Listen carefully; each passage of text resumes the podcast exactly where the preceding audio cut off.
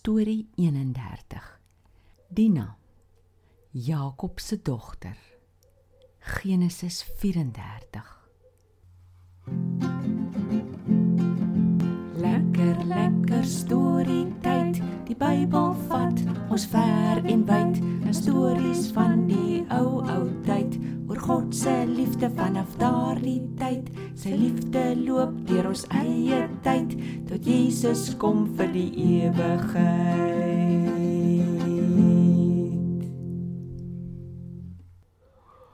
Oh. Oh. Ha- Hallo Tobias.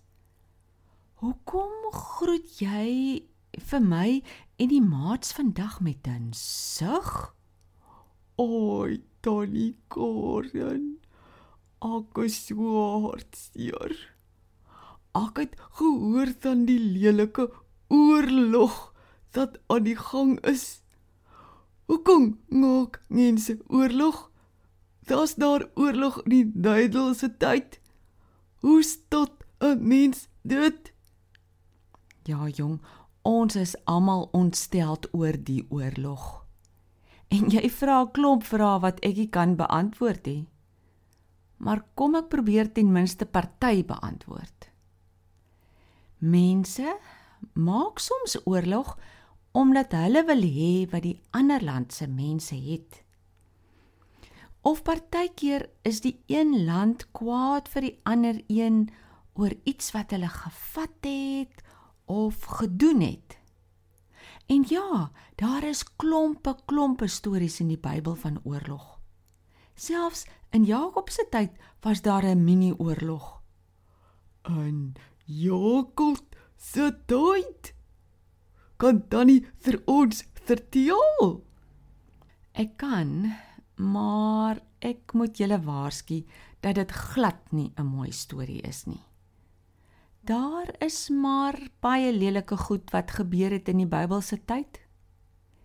Die stories is opgeskryf om vir ons te wys dat God vir ons almal wil vergewe en help en lief hê, selfs al het ons vreeslike dinge aangevang.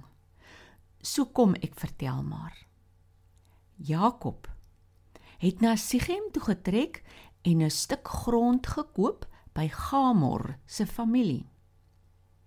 Hy het net buite die stad kamp opgeslaan en 'n altaar gebou.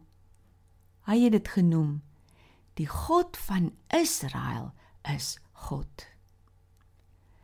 Alles was goed en wel. Maar op 'n dag gebeur 'n baie lelike ding. Jakob se dogter Dina het bietjie gaan kuier by die ander meisies daar naby. Toe Sichem, een van Gamor se seuns, vir Dina sien, dink hy sy is pragtig. Hy gryp haar toe en maak haar seer en skaam en hartseer. Maar agterna begin hy vreeslik baie van haar hou en wou graag met haar trou. Dat nee. Hoekom? Dat doen Jakob toe. Jakob het eers niks gedoen nie en het gewag vir sy seuns om uit die veld te kom. Intussen kom Gamor en Sichem na Jakob toe. Net daai tyd kom Dina se broers toe van die veld af. Hulle was vreeslik ontsteld en woedend kwaad toe hulle die storie hoor. Gamor verduidelik toe hoekom hulle daar is. My seun Sichem hou vreeslik baie van Dina en wil graag met haar trou. Ag, laat dit tog maar toe. Dan word ons familie en julle kan enige plek hier in ons land bly. Sichem het bygevoeg: Ja, asseblief, ek wil graag met Dina trou. Ek sal vir julle enige soort geskenk gee wat julle vra. Dat sê Jakob in sy seuns toe. Hulle het nie ja of nee gesê nie. Die seuns het klein bietjie gedink en antwoord toe. Wel, ons kan nie ons suster laat trou met 'n man wat nie besny is soos ons nie. Ons kan miskien instem dat jy trou as al die stad se mans eers die besnydenis operasie doen. Dan kan ons hier bly. Maar as jy nie wil nie, vat ons ons suster en trek weg. Dis 'n snaakse antwoord dat sy honger in Sichem toe. Sichem was so verlief op Dina dat hy dadelik ingestem het. Hy en sy pa gaan toe na die stad se poort toe en al die ander mans kom sit daar by hulle vir 'n groot vergadering. Hulle vertel toe vir die ander mans van Sichem en Dina en Jakob en hoe ryk hy is en van die besnydenis operasie.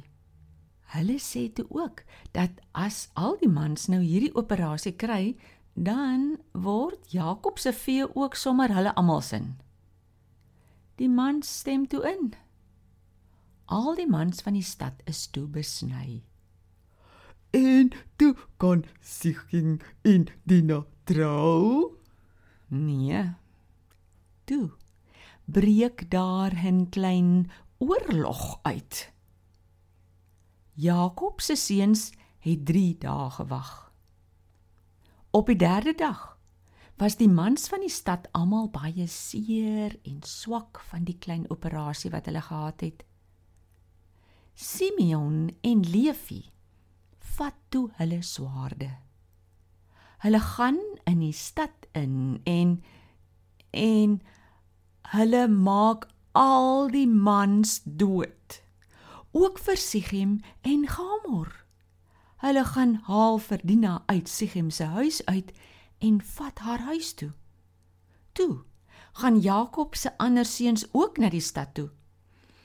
Hulle maak toe soos die mense in daai tyd in oorlogtyd gemaak het. Hulle vang die vrouens en kinders. Hulle vat alles wat hulle kan kry uit die huise en ook al die diere. Jakob is toe baie ontsteld. Hy sê: "Simeon en Levi, nou is ek diep in die moeilikheid. Die mense van hierdie land dink nou baie sleg van my. Sê nou net hulle kom val ons aan." Ons is te min teen hulle. Maar Simeon en Levi was nog steeds baie kwaad vir Sichem en sê: "Maar pa, hy moes nie gemaak het asof ons suster 'n slegte vrou is nie." Och nee. Och nee, Tannie.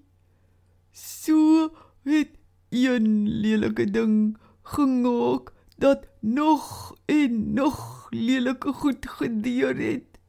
Ai, dis so hartseer. Tannie, kan God sulke dinge vergeet? Tobias, as ons vir God vra om ons te vergewe, sal hy selfs moord en oorlog vergewe. Ons kom nie altyd hier op aarde los van die straf wat ons vir sulke dinge moet dra nie. So het Jakob net voor sy dood sy kinders geseën. Dit is om mooi dinge vir hulle van God te vra. Maar Simeon en Levi is nie geseën nie omdat hulle al die man so wreed doodgemaak het.